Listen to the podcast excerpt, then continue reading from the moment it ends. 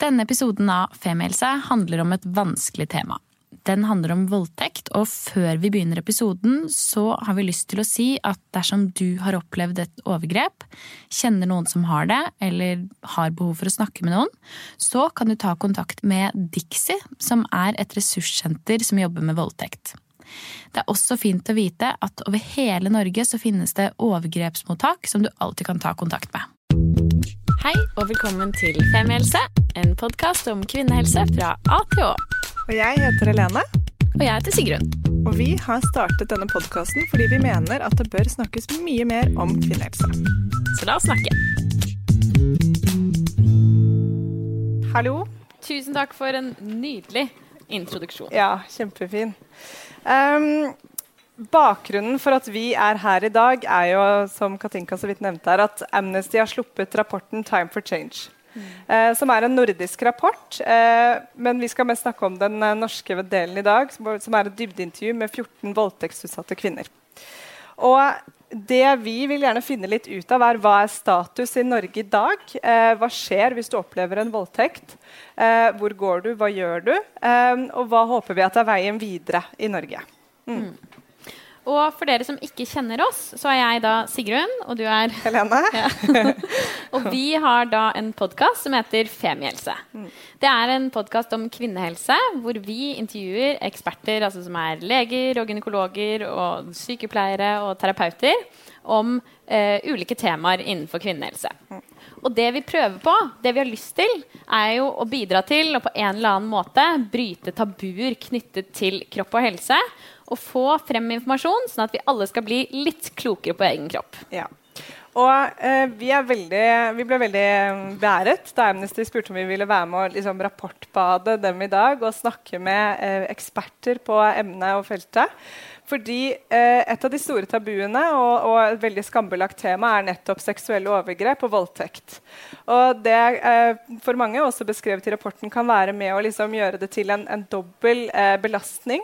Eh, og at man kjenner på den skammen og ikke har så lyst til å prate om det i det hele tatt og trykker det ned i mange år, som igjen kan føre til fysiske, men selvfølgelig også psykiske lidelser. Mm. Så vi tenker jo at, eh, Og den tredje belastningen er når man da kommer til rettssystemet. og eh, Det skal vi snakke mer om med Patricia etterpå. Eh, men også da kanskje ikke blir trodd, og det i hvert fall ikke er noe rettssikkerhet i Norge.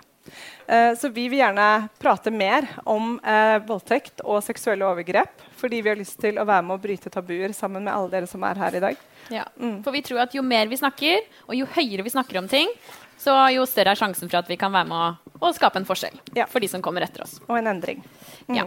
Skal vi dure i gang? Vi durer i gang. Ja. ja. Ønsker første gjest velkommen opp på scenen. Ja. ja. Karina Kristiansen.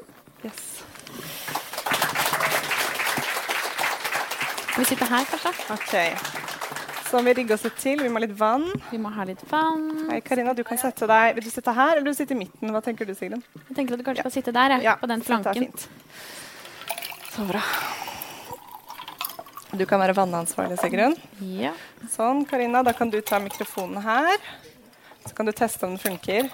Hallo. Ja, så bra. Så fint. Strålende. Ja. Har du Der, ja. Jeg tar den banen bort sånn. Så fint. Ja, Karina. Ja. Um, jeg har jo vært veldig sånn um, spente på å prate med deg. Litt sånn uh, og det, Vi snakket jo litt sammen i sted, og det var jo noe av det du også snakket om. at var um, Du har jo uh, gått ut med din historie. Uh, kan ikke du fortelle kort hva din historie er? Ja. Jeg var på et utested og møtte da en tidligere En som jeg har hatt et seksuelt forhold til. Eh, vi snakka litt sammen, og han var edru den kvelden. Så vi ble enige om at jeg kunne få lov å sitte på hjem når han kjørte. Eh, så vi dro Vi skulle dra hjem til meg. Eh, så sto jeg i jakkekøen og henta jakka mi, og da sa han at det måtte sitte på en kamerat, han hjem også, eller på vei hjem. Så sa jeg det er greit.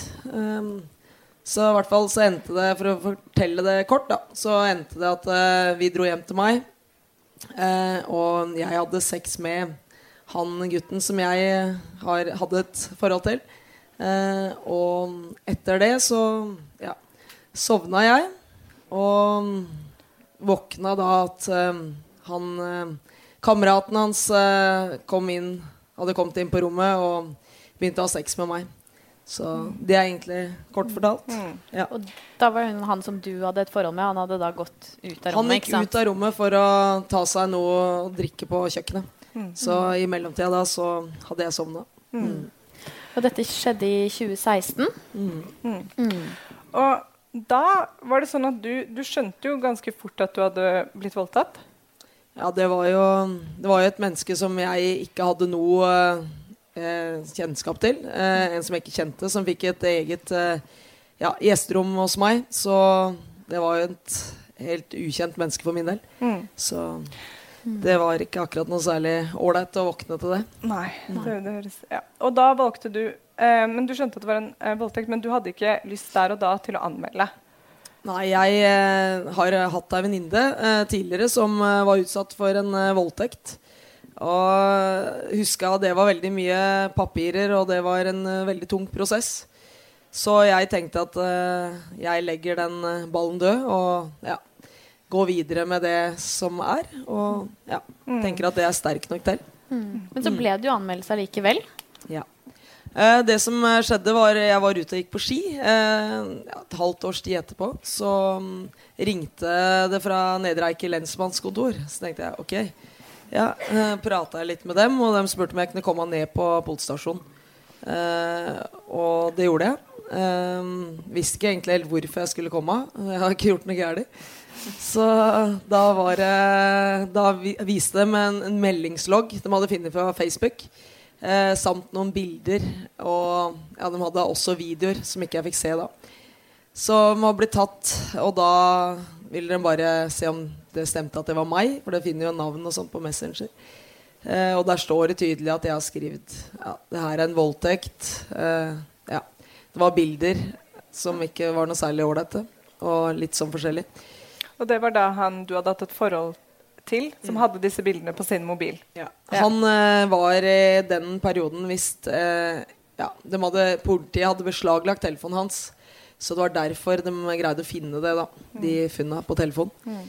Så når jeg fikk se de bildene, så blei jeg veldig skuffa. Eh, det var jo noe som ikke jeg visste at det var, eh, eh, var tatt. For jeg lå jo og sov, så bildet er jo at jeg ligger på magen, og så ligger han kameraten over og har sex med meg.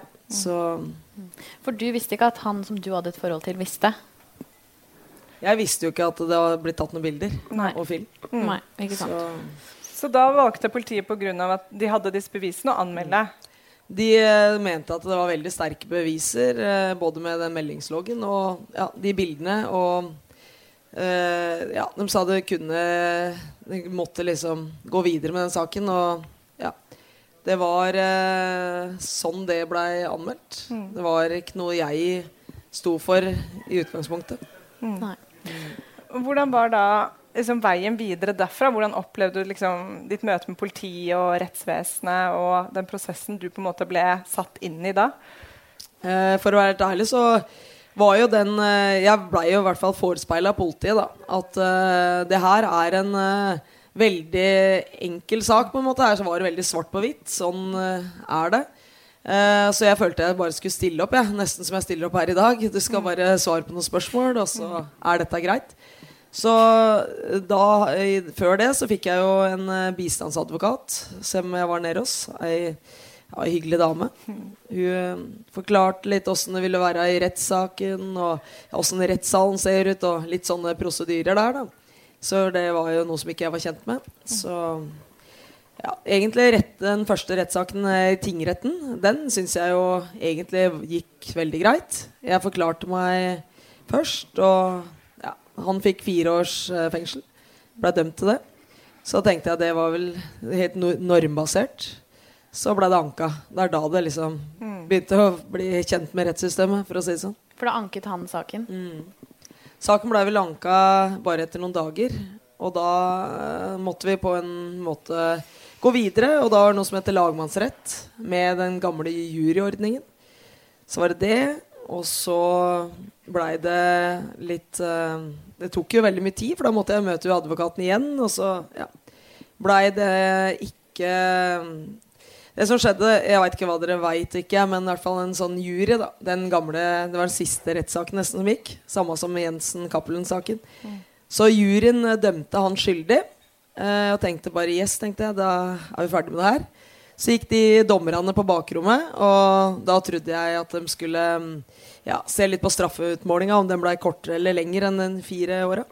Men eh, de kom tilbake og sa at de ikke hadde blitt enige, de dommerne imellom. Seg imellom, så ja, måtte én rettssak til, da. Til. Så da tok vel det et, ja, sikkert et halvt år igjen. Så da ble det den nye rettssaken, som er eh, med dommere. Sju dommere. Hvor fem må til for å dømme skyldig. Så det har vært en veldig lang prosess, det vil jeg si. Og Er du ferdig med den siste rettssaken nå, eller venter du på den? Nå er jeg ferdig. Nå er du ferdig. Så ja, fra 2016 til nå, da, som var i august, var det vel. Mm. Og hvordan endte den siste rettssaken? Nei, da ble han eh, frifunnet. For det var ikke Det var ikke nok eh, Ja, det var ikke nok bevis, mente de. Så ja. Så Ja. det var litt Det var egentlig et slag i trynet. Det syns jeg. Det var tungt. Ja, Det det for å si det mildt. Og i hvert fall med den ja, det, vi, Jeg har ikke lyst til å bli så veldig synste, men jeg kjenner jo at jeg blir sykt provosert. Og med den lovnaden du fikk av politiet, og dette var jo noe du egentlig ikke orka helt, og så allikevel så gjorde du det, og så ble det hele den runden. Angrer du på at du ble med på det? eh, Altså på liksom å anmelde? Jeg hadde jo egentlig ikke noe valg, Nei. akkurat for det jeg skulle måtte anmelde. Men, eh, Eller dem anmeldte. Jeg var veldig sånn personlig veldig opptatt av at, eh, at det her er ikke jeg som har anmeldt, det er dem som har gjort det. Mm. Jeg følte liksom at det gjorde at jeg følte meg litt tryggere, da, hvis det går an å si det sånn. At det ikke er jeg som har satt noen kjepper i hjula, eller det har ikke vært en hevn. Det har ikke vært noe grunnlag for at jeg skulle Ja, at det skulle være noe Det var noe som på en måte bare måtte gjøres, og det sto det klart i avisa at Mm. jeg ikke anmeldt av påtalemyndighetene. Så jeg føler jo at politiet da var veldig ute etter å dømme han, egentlig i utgangspunktet. Og at når det ikke skjer, så er det jo Det er et tap. Jeg syns det. Ja. Mm. Men så til tross da for at uh, det endte på en så utrolig kjip måte med uh, frifinnelse uh, Du fortalte en historie om en som hadde stoppet deg da du var ute og gikk på rulleskøyter og takket for at du sto fram med dette, og at du orket. Uh, har det vært Det er kanskje et veldig ledende spørsmål, hører jeg nå. Men, men det har jo, du, har, du står jo fram og snakker om dette og er med på å gjøre i hvert fall en, en forskjell, eh, selv om han ikke fikk den straffen han fortjener. da. Jeg vet ikke om du er enig i det? eller om... Ja, jeg, eh, jeg tror jo alle har uh, fått en uh, liten ja, en skram i lakken. Det, det vil det jo gjøre når det går gjennom en sånn prosess. Både jeg som fornærmet og sikkert han som tiltalt òg. Det er jo ja, det er jo tøffe tak. Det er jo det. Det er jo datoer som du må forholde deg til, og det er Hvis det ikke har vært en rettssal før, så er det gammeldags, og det er, eh, ja, det er høytdragende. Det er litt Mm. så blir du spurt om det samme på nytt og nytt. Mm. Eh, og sånn som i Sverige har de jo på en måte Da uttaler du deg i tingretten, og så filmer de det, og så tar de opp, og så bruker de det på nytt igjen. Men her må du på'n igjen den samme runda, så det er kanskje en og en halv time da med vitneforklaring først. Og det skal du gjøre igjen, og så kommer de påfølgende spørsmåla. Så det, tar jo, det er jo krevende dager. Så ja, det er eh, Så det er noe du skulle ønske sånn konkret at vi kunne hatt tilgang til? Ja, jeg Nettkasse? eh, svarer faktisk på det på Dagsrevyen i dag, så skulle det være noe om det. Eh, og jeg føler jo det hadde vært mer rettssikkerhet òg. At da har du svart det første gang, og er det to og et halvt år etterpå, så kanskje ting har blitt forandra, du glemmer ting. Vi er jo bare vanlige mennesker. Så absolutt. Det syns jeg er avleggs at vi ikke har i dag. Når du satt inn i ja, i 2000, nei, 1995 hadde de det faktisk i Hokksund. Så nå er eh, datasystemet utdatert, eller eh, taleopplegget, og da har de ikke hatt råd til å kjøpe nytt. Nei.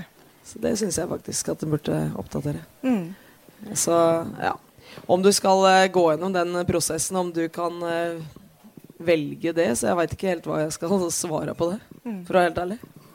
Men har du avslutningsvis liksom noen andre tips, altså som ikke nødvendigvis kanskje angår selve rettsprosessen, men til noen som har vært gjennom et overgrep? Noe erfaring Jeg tror jo eh, veldig avgjørende her eh, Jeg var så heldig å få Jon Christian Elden som advokat, eh, og var inne og møtte han.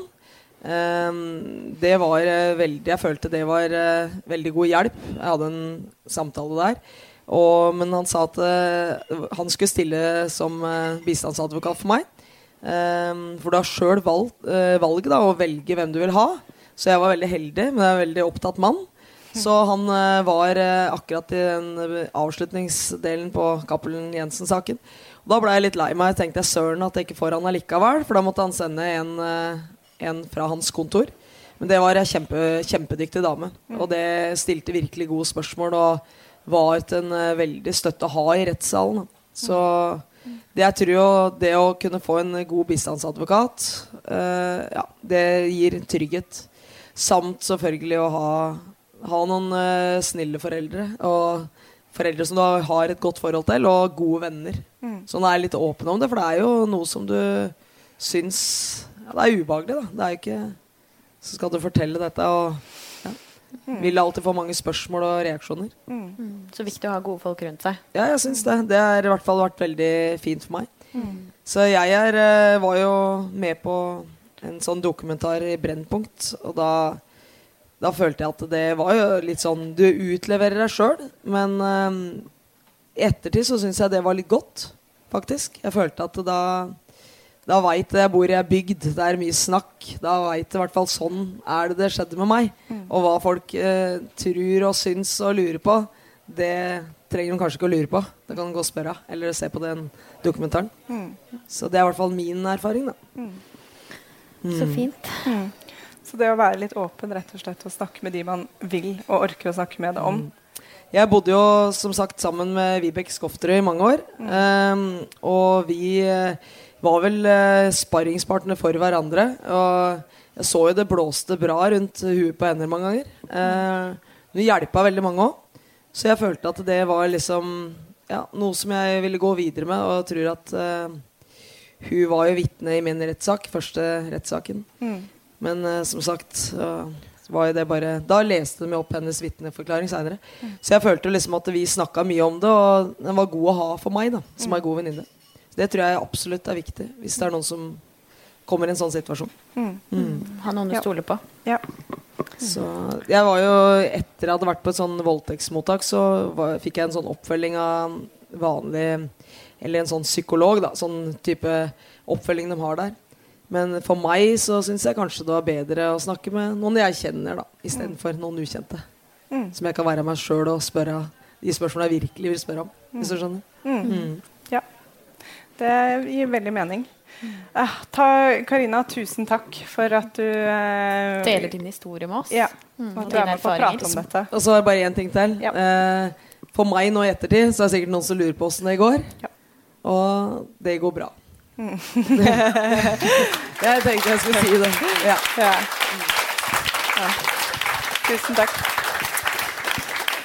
Ah. Ja. Tusen takk. ja. Ja. Vi, eh, har jo da som sagt bakgrunnen for at vi er her i dag, er denne rapporten som Amnesty har uh, skrevet om voldtekt i Norden, og da Norge skal vi snakke om i dag. Så da vil vi gjerne få Patricia opp på scenen, som har vært med å skrive den norske versjonen av den. Ja. Så bra. Takk. Sånn. Der.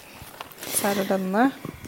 Ja. Patricia, du er politisk rådgiver i Amnesty og har vært med å, og skrevet den, som sagt, den norske delen av denne rapporten. Kan ikke du fortelle litt eh, for det første, liksom, hva denne rapporten tar for seg, og hvordan det har vært å jobbe med den? Det er et stort spørsmål, jeg vet, men eh, prøve. Jeg syns det har vært eh, både veldig krevende og veldig berikende å jobbe med denne rapporten. Utgangspunktet har vært Amnesty er en menneskerettighetsorganisasjon. Så vårt utgangspunkt har vært Lever Norge opp til sine menneskerettslige forpliktelser når det gjelder å forebygge, etterforske og straffe vold mot jenter og kvinner?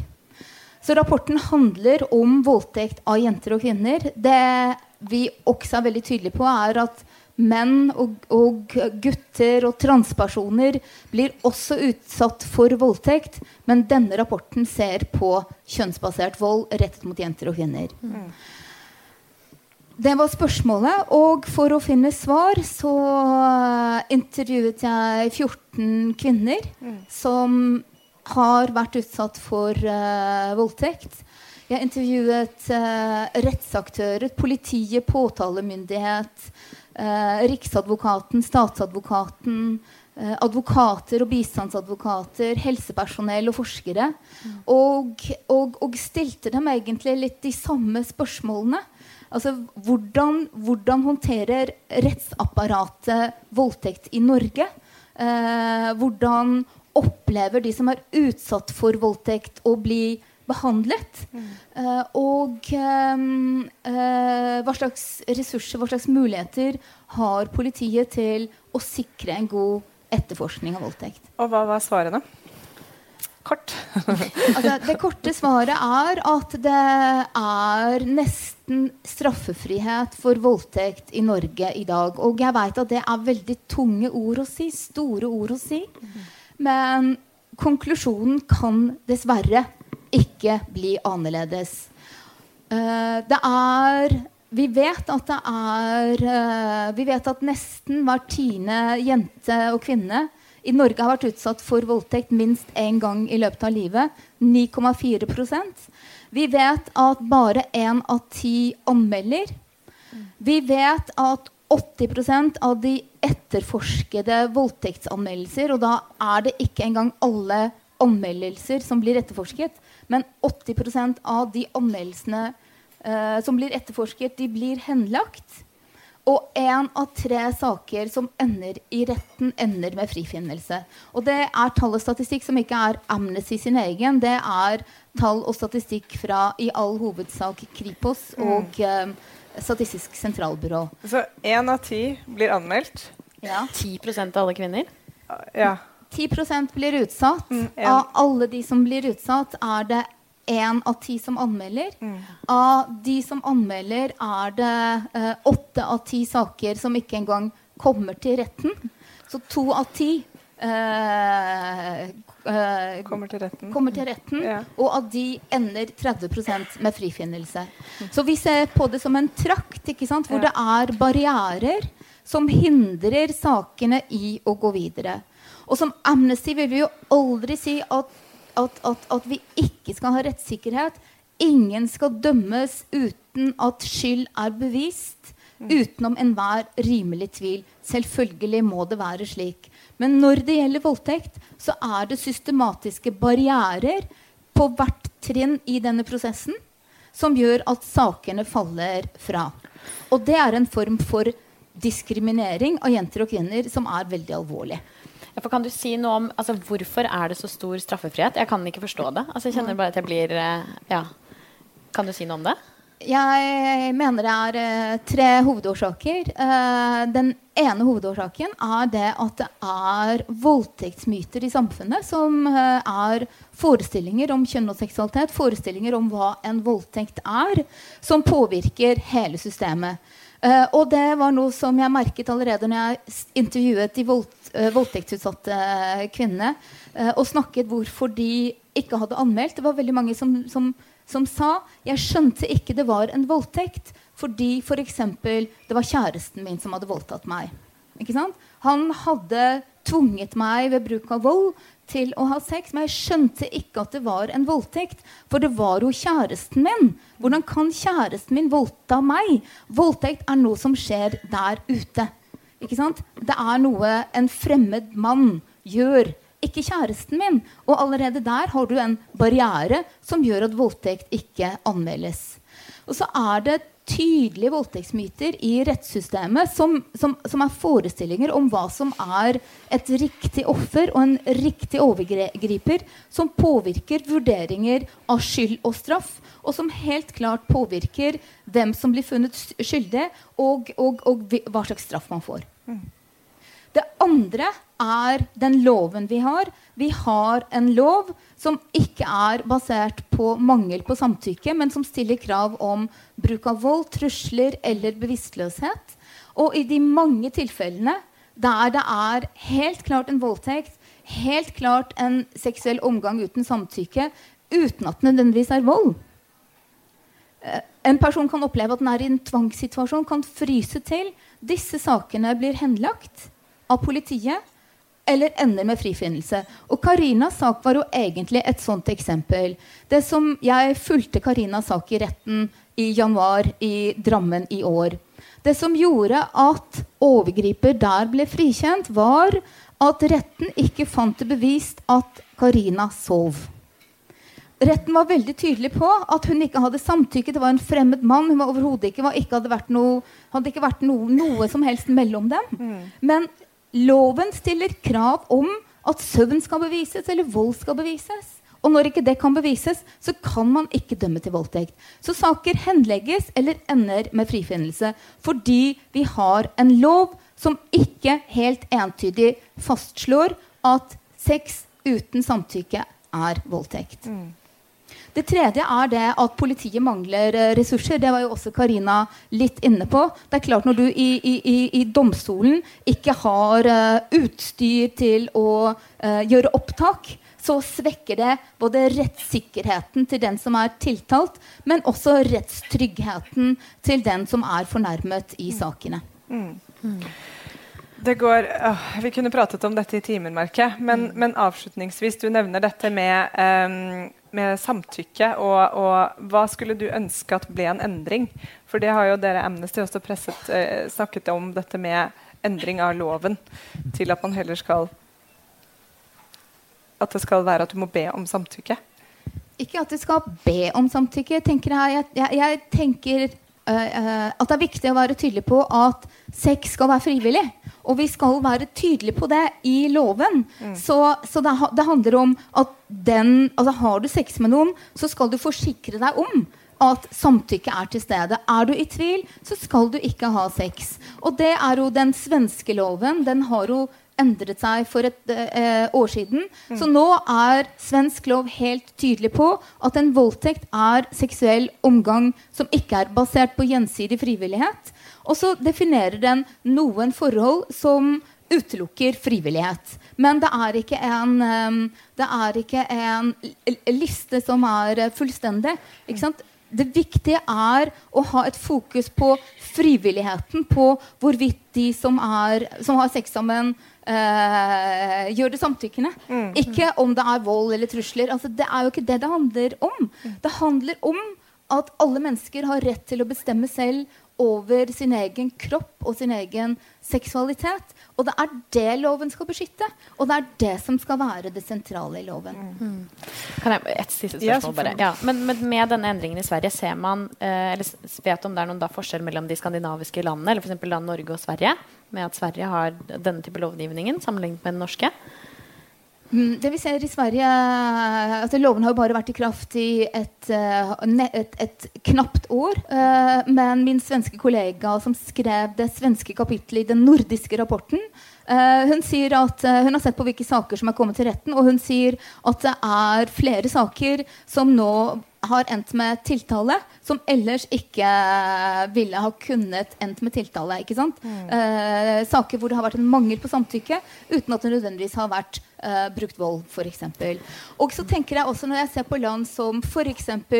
Storbritannia, så ser du at en samtykke, som også har en samtykkebasert voldtektslovgivning, så har du en samfunnsdiskusjon om hva er samtykke, hvordan skal du være sikker på at uh, det er frivillig. Og den diskusjonen får du ikke i samfunnet vårt fordi vi har en helt annen lov. Ja. I, i, fra Storbritannia så kommer jo denne fantastiske videoen om, om, om og, som parallellfører det å ha sex med det å drikke te. Ja. Og som enkelt forklarer hva samtykke er. Og, og de type samtaler de må vi også ha i vårt samfunn. For det store problemet i Norge i dag er at én av ti jenter og kvinner utsettes for en voldtekt minst en gang i løpet av livet. Og vi som har jobbet med uh, overgrepsutsatte, vet at for veldig mange av dem så betyr det store begrensninger i livsutfoldelsen. I hvert fall en periode av deres liv. Mm. Ja. ja. Tusen takk, Patricia. Um, og det er jo da en fin overgang til å, um, til å ønske velkommen til Elin Torlefsson, som er overlege ved overgrepsmottaket. Eh, for å snakke litt om hvordan man nettopp da møter de som har vært igjennom et overgrep. Så velkommen. Mm. Eline, mm. kanskje du kan begynne med å fortelle litt om, om jobben din? Ha den helt inntil som en eh, ja. der, ja. jeg er uh, lege på overgrepsmottaket i Oslo. Og overgrepsmottaket i Oslo er landets største. Det fins overgrep overgrepsmottak i hele landet. Eh, overgrepsmottaket vårt betjener da Oslo, Follo, Romerike og Kongsvinger-området. Sånn at det er et eh, by betjener en femtedel av Norges befolkning. Ja. Skjønner. Um, kanskje, hvilke situasjoner er det du møter når du er på jobb? Ja. Eh, min jobb er todelt. Det ene er akuttarbeidet. Det vil si at jeg tar imot de som kommer for en førstegangsundersøkelse etter å ha vært utsatt for en voldtekt eller et seksuelt overgrep. Og da henvender de seg til legevakten. Enten de aller fleste blir fulgt av familie eller venner. Det er veldig få som kommer alene. Eh, to tredjedeler kommer da i løpet av eh, ja, det første døgnet. Men, eh, og resten kommer da innen en uke, eller, og 20% kommer senere. Og da blir de, idet de kommer til, legevakten, så blir de tatt skal de slippe å vente sammen med alle andre som er på legevakten. Så de blir tatt inn på et rom med en sosialkonsulent, som da er en sykepleier eller en sosionom, sånn at de er skjermet for å være i fred. Og da tilstrebes det å hjelpe dem å finne litt roen, minne om at det er trygt, og så at de får fortalt litt om hvorfor de kommer. Og så kommer jeg og sammen med en sykepleier og forteller da hva tilbudet vårt går ut på.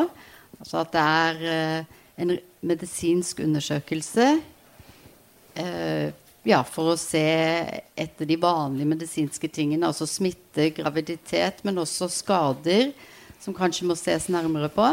Og så er det, forteller jeg også at er en, vi tilbyr en rettsmedisinsk undersøkelse, sånn at man kan få sikret DNA-spor, også dokumentert skader, i tilfelle de senere bestemmer seg for å anmelde. Ja. For tilbudet er helt uavhengig av anmeldelse. Ja. Så alle kan komme til dere? Alle kan komme, selv om de ikke husker så mye, selv om de er fulle, selv om veldig mye. Ja. Går de gjennom en gynekologisk undersøkelse når de kommer til dere? Er det det en rettsmedisinsk undersøkelse går ut på? Det er en del av en rettsmedisinsk undersøkelse, men en gynekologisk undersøkelse er noe mange vegrer seg for. Sånn at alt er frivillig. Hvis man ikke ønsker en gynekologisk undersøkelse, så gjør vi eh, det vi får tillatelse til å gjøre. Og så kan de når som helst si stopp underveis. Og en gynekologisk undersøkelse skal jo ikke gjøre vondt. Eh, da er det jo jeg som gjør noe galt. Men det er ubehagelig, og det er spesielt ubehagelig etter å ha vært utsatt for en intimitetskrenkelse, som et overgrep er. Ja. Hvor mange er det som kommer til dere sånn øh, hver dag? Vi har eh, Ja, vi er godt over 600 så det er, så det, i året, så det er vel Ja, vi ligger sånn nært opp til to om dagen, da. Eh, og så, etter den undersøkelsen, så snakker vi litt om ja, vanlige reaksjoner, altså litt krisereaksjoner, og reaksjoner de kan forvente seg den første tiden fremover. Og så får alle tilbud om kontrollavtaler, etter, altså medisinsk kontroll, etter to uker, etter seks uker og så etter tre måneder. Og så får alle tilbud om oppfølgingssamtale med eh, spesialutdannet eller spesielt kompetent personell, som da er sosionomer, psykiatriske sykepleiere eller, eller sykepleiere da, med, med kompetanse i tillegg. Så man kan komme tilbake senere og Ja. prate? Og de fleste gjør det. De fleste møter i hvert fall noen ganger. Jeg tror det er 80-90% som kommer tilbake. Ja. Hva hva er vanlige reaksjoner i etterkant? Så hva er det dere informerer om? Det er vanlige krisereaksjoner, sånn som ved andre vonde opplevelser i livet. Det er problemer med søvn, mareritt, tristhet. Mange blir skvettende. Litt mer engstelig i begynnelsen. Det er vanskelig å konsentrere seg, spesielt om studier og jobb. Eh, noen isolerer seg. Eh, veldig mange bebreider seg selv. Og bruker den etterpåklokskapen som Ja, den blir veldig negativ. For da, tenker man at hvis man ja, at man burde ha handlet mm. annerledes. Men det ville jo alle ha gjort hvis de hadde visst hvordan det kom til å bli. Mm. Ja. Og så sa du i sted da vi pratet sammen her borte, at det er, det er 24 slike mottak over hele landet. Ja. ja. Det er overgrepsmottak over hele landet. Og det finner man ved å gå inn på nettet på dinutvei.no. Din utvei. Og der er det både oversikt over overgrepsmottak, men også andre hjelpetilbud som det finnes rundt om i landet. Mm. Føler du at hjelpetilbudene er gode her til lands? At det er nok ressurser til, de, til den biten der? Det kunne sikkert vært mer ressurser til det, men det fins ressurser. Men kanskje ikke alltid god nok kunnskap. Um, vi henviser også en del av våre pasienter videre til psykolog. Um, og det går det jo også an å gjøre. Og veldig mange av DPS-ene, altså de vanlige distriktspsykiatriske sentrene som fins overalt, der er det folk som har kompetanse på overgrep også. Men uh, det er viktig å, at kunnskapen om dem spres, om det som er tilbudet. Og så kunne det sikkert vært bedre. Mm. Jeg lurer på, Er det noen grenser for altså, hvor lenge etter et overgrep man kan komme til dere? Er det, sånn, er det mange som føler at det kanskje kan være for sent? Det er nok mange som føler det, fordi vi ser at det er 20% som tar kontakt når det er gått over en uke. Og, og, så ser vi også i oppfølgingstilbudet at det er en del som ikke kommer i begynnelsen. For de håper at ved å ikke tenke på det, så kommer det til å gå over. Mm. Eh, og som da tar kontakt når det er gått noen måneder. Og da får de tilbud da også, og vi henviser videre dersom det er behov for det. Mm. Så man kan komme uansett, selv om det har gått et halvt år eller et år? Eller, ja. ja. Og de aller fleste overgrepsmottakene fungerer sånn at selv om de ikke da tilbyr hjelp lang tid etterpå, så vil de vite hvor man kan henvende seg for å få den hjelpen. Mm. Og det er jo også viktig. Ja, Så det er et godt sted å komme, da, uansett? Ja, det skal være det. Mm. Vi ønsker at det skal være det, men så er det klart at uh, um, Det skjer jo uheldige hendelser hos oss også, men vi ønsker å være et tilbud som er åpent, og som føles trygt og godt å komme til for alle. Mm. Og det er et tilbud da til alle over 14 år. Og vi, har, eh, vi får henvendelser også fra folk i alle aldre. Mm. Og ja, 7-8-9 av pasientene som henvender seg, er gutter og menn. Mm. Og det er også viktig å huske på. Ja, mm. veldig. Så eh, fint. Ja. Et siste spørsmål ja. som vanlig. Um, gir dere noen bistand når det kommer til liksom, veiledning uh, til anmeldelse og sånn? Eller hva man kan gjøre videre? Ja, vi anbefaler alle å få seg bistandsadvokat. Og vi hjelper også til med å sette i kontakt med bistandsadvokat. For vi er ikke jurister. Uh, sånn at vi anbefaler at alle tar en gjennomgang med en bistandsadvokat, for det har man rett til tre timer gratis bistandsadvokat for å drøfte anmeldelse eller ikke. Mm. Så hvis man kommer til dere, så får man både hjelp der og da, men kan også få noe veiledning i hva man eventuelt kan gjøre videre. Ja. ja. ja men det er veldig fint å vite. Tusen, Tusen takk, takk Line. Ja, kjempefint. Vi gir en applaus her.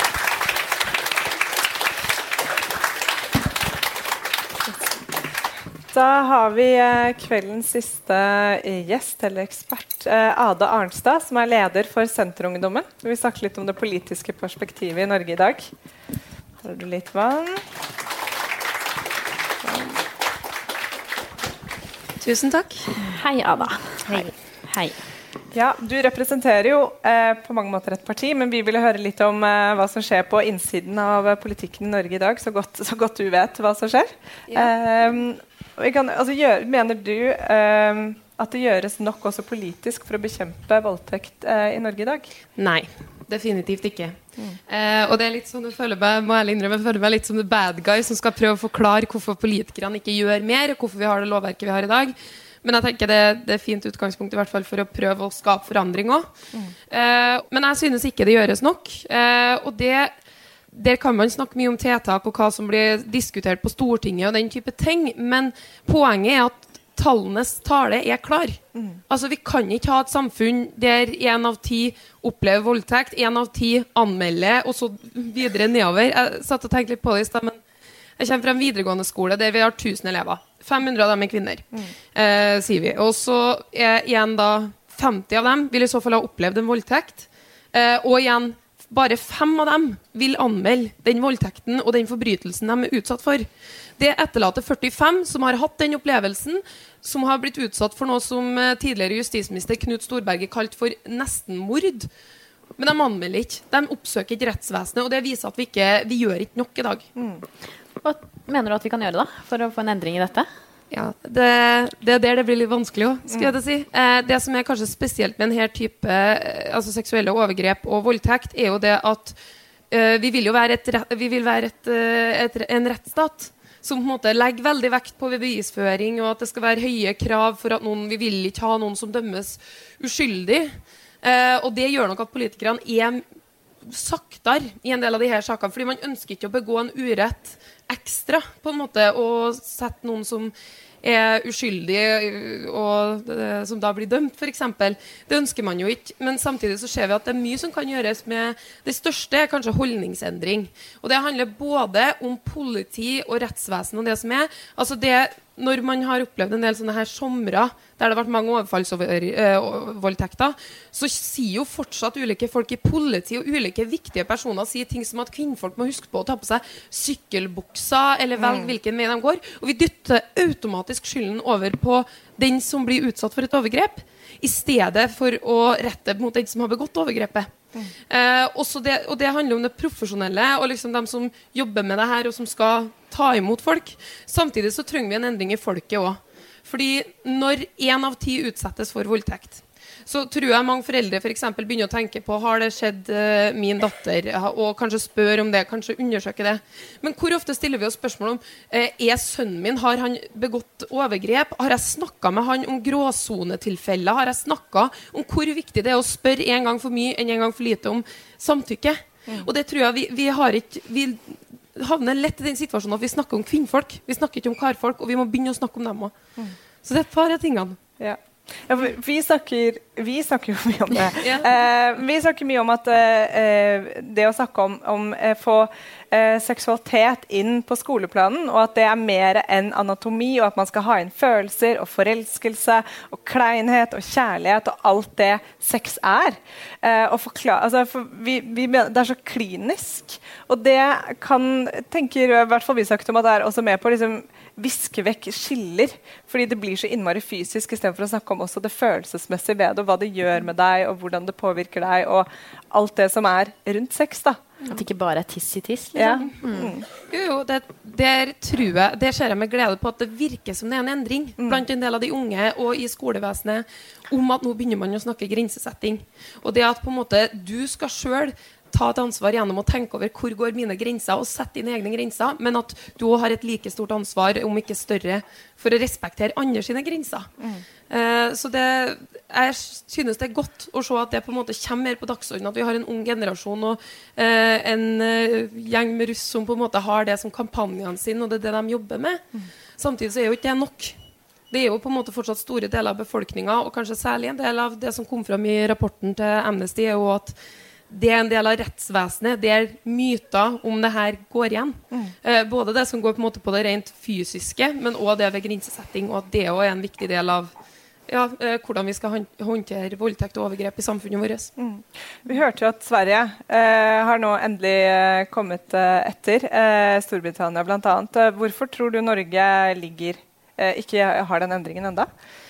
Der var det jo et forslag i Stortinget i fjor. Eh, og det er litt interessant å sitte i nå, fordi at mitt parti var en, en av de partiene som stemte imot den lovendringa som ble kalt for da, samtykkebasert lovgivning. Men det skyldtes jo fordi intensjonen til dem som foreslo det, var ikke å endre eh, praksis. Det var ikke å endre hva som skjer i retten og rettsvesenet, men det var å endre lovlyden. Mm. Og jeg tror det er viktig at vi politikere, når vi sier at nå har vi sikra eh, et gjennomslag, vi har sikra ting som skal gjøre ting bedre, ja, da må det faktisk gjøre det òg. Mm. Eh, så der er mitt håp er at vi klarer å legge fram en ny samtykkebasert lovgivning som faktisk går ut på å endre rettspraksis, eh, rettspraksisen og nettopp ta tak i en del av de tilfellene som i dag ikke dekkes av loven, og som gjør at altfor mange opplever å få saken sin henlagt når den virkelig skulle ha vært tatt opp. Eh, og det tror jeg, jeg tror alle politikere ønsker det, men vi må ha lover som er til for å faktisk få til forandring. Mm. Og ikke bare for at vi skal skryte over at vi har fått til noen Mm. Som politikere har en lei tendens til å gjøre. Skal jeg være ærlig. men tror du at det lovforslaget hadde vært bedre enn ingenting? Det er todelt, for jeg tror det òg ville ha gitt på en måte følelsen av at nå har vi fått til en seier og vi har fått til en forandring, og politikerne er med. Når hele intensjonen bak forslaget var å ikke forandre noen ting. Bare forandre lovlyden i teksten. Og da tror jeg mye mer på det eh, Vi har et det største måte, politiske vedtaket vi kunne ha gjort, har vært å vedta et holdningsendring i samfunnet. Det kan vi ikke vedta. Det må skje på en måte gradvis. Og det tror jeg vil ha en større effekt. Og det arbeidet vi gjør for å sørge for at det her er noe som snakkes om i alle familier, i alle klasser. I, på alle fotballag og rundt uh, ja, rundt om i hele landet som må vi snakke om det her. Eh, og jeg tror det vil ha større virkning enn å endre loven til å på en måte skal forandre og tydeliggjøre lovlyden, men ikke endre praksis. For vi ser at det er behov for å endre praksis. Mm. Som leder av Senterungdommen så ville pappa beskrevet deg som en engasjert uh, ung dame. Uh, hva ville det vært uh, tips til alle de som hører på podkasten senere, og som sitter her? Hva, hva burde alle vi gjøre? Ja, og Det tenker jeg, det er det absolutt viktigste og det som jeg har mest lyst til å få sagt. Men det er det at det går an å gjøre en forskjell. Mm. Eh, og når politikerne ikke leverer det de skal levere, når politiet ikke gjør det, eller rettsvesenet ikke gjør det, så går det an å gjøre en forskjell. Og det handler om å melde seg inn i organisasjoner som jobber med det her. Mm. Eh, det handler om å melde seg inn i partier og prøve å påvirke det her. Det handler om å ta det opp i klasserommet. Det handler om å snakke om det. og jeg vil egentlig legge et eh, hva skal vi si, ekstra ansvar på den litt eldre generasjonen som eh, har gått foran oss. Og det at de må faktisk ta ansvar gjennom å snakke med både gutter og veitunger om det her. Og at vi klarer for en gangs skyld å legge skylden der den hører hjemme. Og det er jo noen som begår et overgrep, ikke den som blir utsatt for det. Og i tillegg at vi klarer å snakke om gråsonene. For det tror jeg er det mest effektive for å sørge for at folk begynner å spørre om samtykke. Vi må gjøre det til noe som er normalt. Og jeg tror det er mulig. Mm. Tusen takk. takk. Skal vi ta og, ja, fortsette denne pausen? for det? Jeg syns det var um, Ja, da kan du bli sittende. Så hvis uh, Eline og Patricia og Karina kan komme opp igjen Så kan vi reise oss. Ja. ja. Såpass rause er vi.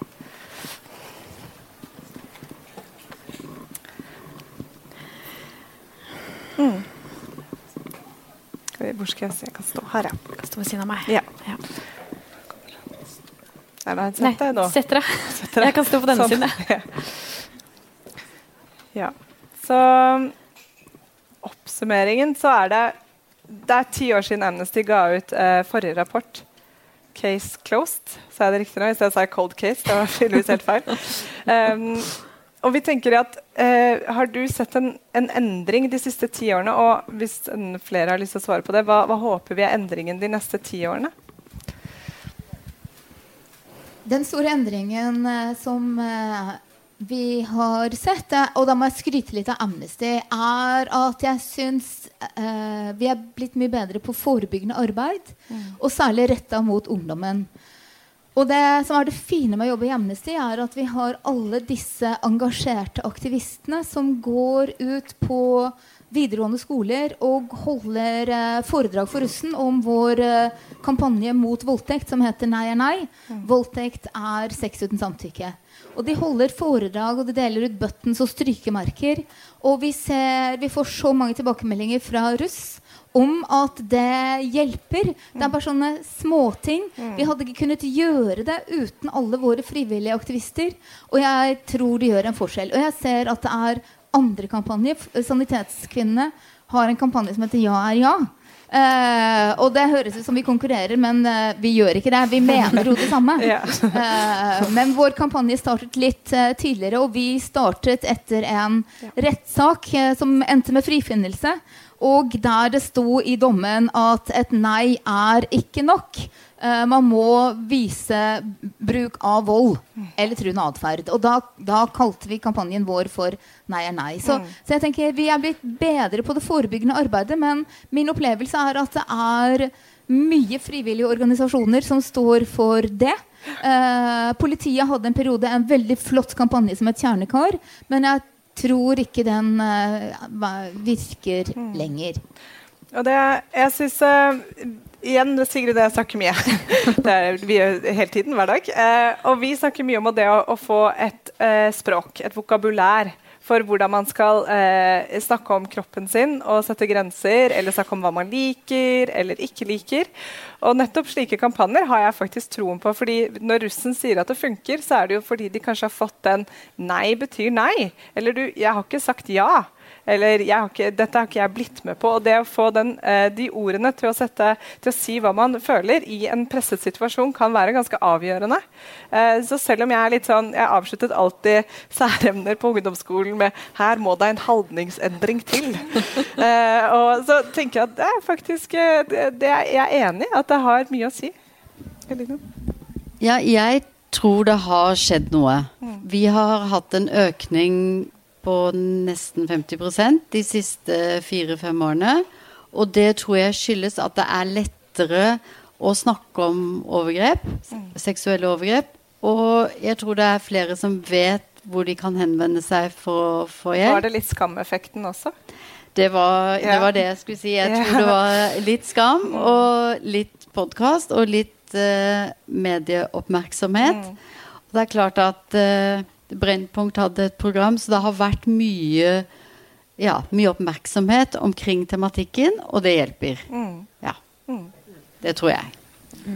Og der, Ada, det diskuterte vi jo liksom eh, litt før eh, vi gikk på scenen, at den oppmerksomheten opplevde du eh, som litt sånn større før. Eh, er det noe man kan gjøre kanskje politisk også for å øke oppmerksomheten? Ja, eller at det der er jo, som jeg var litt innpå tidligere òg, men at jeg opplever at det er en forandring i den yngre generasjon, der man har helt annen liksom, måte for å si at det her er mine grenser, og det her er greit, og det er ikke greit, enn jeg har opplevd tidligere, at det er mye mer oppmerksomhet på det. Eh, men at likevel så er min opplevelse at det går sakte i politikken nå. Og jeg vet at det kan gå fortere. Eh, og det handler jo om at vi klarer å på en måte ta, altså at vi klarer å snakke om det her emnet og synliggjøre hvor stort problem det er.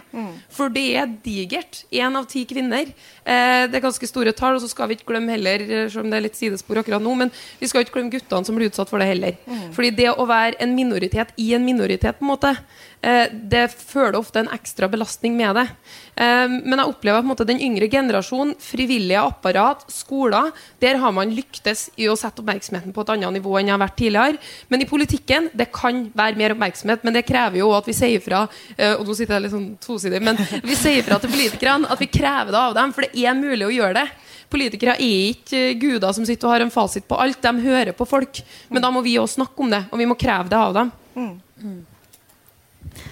Jeg skal si to ting. Det første jeg skal si, er dette med at jeg er helt enig med Ada. Jeg opplever at politikere er mindre interessert i voldtekt nå enn det de var for ti år siden. Altså Folk er mer interessert, men tidligere så var det lettere å få til gode møter med eh, politikere i Justisdepartementet om voldtekt, og vi opplevde at politisk ledelse i Justisdepartementet var mye mer på enn det de er i dag. Uh, og, og det handler også om at, at vi må sette voldtekt på dagsorden, f.eks. nå i forbindelse med kommunevalget. Det andre jeg har lyst til å si, er dette med minoriteter. Fordi det er mange minoriteter. Menn er sånn sett også en, en minoritet i forhold til det å være utsatt for voldtekt. Eh, en av kvinnene jeg intervjuet i forbindelse med rapporten, uh, er lesbisk og var voldtatt av en annen kvinne. Og hun er også en minoritet. Ikke sant? Og hun fortalte at hennes opplevelse av det å være utsatt for voldtekt ble forsøkt uh, latterliggjort nærmest når hun tok kontakt med legen. Hun sa til meg at legen tok det på alvor inntil han skjønte at det var en kvinne som hadde utsatt meg for en voldtekt, og ikke en mann. Og da sa han nærmest at det ikke var noe å bry seg om. Eh, så, det, så, så, intervjuet jeg en, eh, en, eh, en, kvinne som var samisk. Og hun fortalte også hvordan det er å være minoritet i det norske samfunnet. Og hvor, og, og, og hvor vanskelig det var for henne å anmelde fordi hun nødig ville gjøre noe som, som skadet sitt samfunn og sin kultur. Mm. Så, så sånne ting må vi være oppmerksomme på. at jeg tenker at Jo flere hva skal jeg si, minoriteter man tilhører, eh, jo vanskeligere blir det, jo høyere blir barrierene å si fra og, eh, og, og be om hjelp. Mm. Og å anmelde. Mm. Mm. Ada, helt til slutt. Uh, ja, jeg tror det uh, for å fortsette på. Men eh, at det er forbilder som Karina, det mm. er tilfeller som Skam, det er det at vi har tatt inn i skolen. Det gjør at folk får et språk for å snakke om det. Og det, det skal man ikke kimse av. Det at det har mangla et språk for å ta opp Eh, seksuelle overgrep og voldtekt. Eh, og det er lov for minoriteter, så at vi ikke glemmer dem. Men jeg tror at vi skal komme på at vi har eh, et Eh, altså Det er en manglende tillit i dag. Det, folk mm. opplever at det, måte, det er lovløst. Folk går fri fra straff om de begår overgrep. Og det var veldig mange eksempler i rapporten som er utrolig skremmende. Eh, og det kommer til å være en skikkelig jobb med det å på en måte bygge opp den tilliten igjen. Både til politi og sørge for at det er nok ressurser satt inn der. Ikke bare sånn at de er til stede og kan hjelpe dem som er utsatt for uh, voldtekt og seksuelle overgrep, men òg med å skolere i hvordan man skal snakke om det, og hvordan man skal ta imot folk. Eh, og det samme med rettsvesenet eh, og domstolene.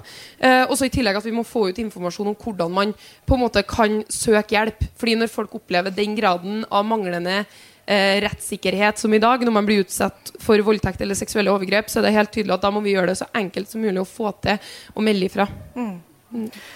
Så fint. Ja, veldig gjerne.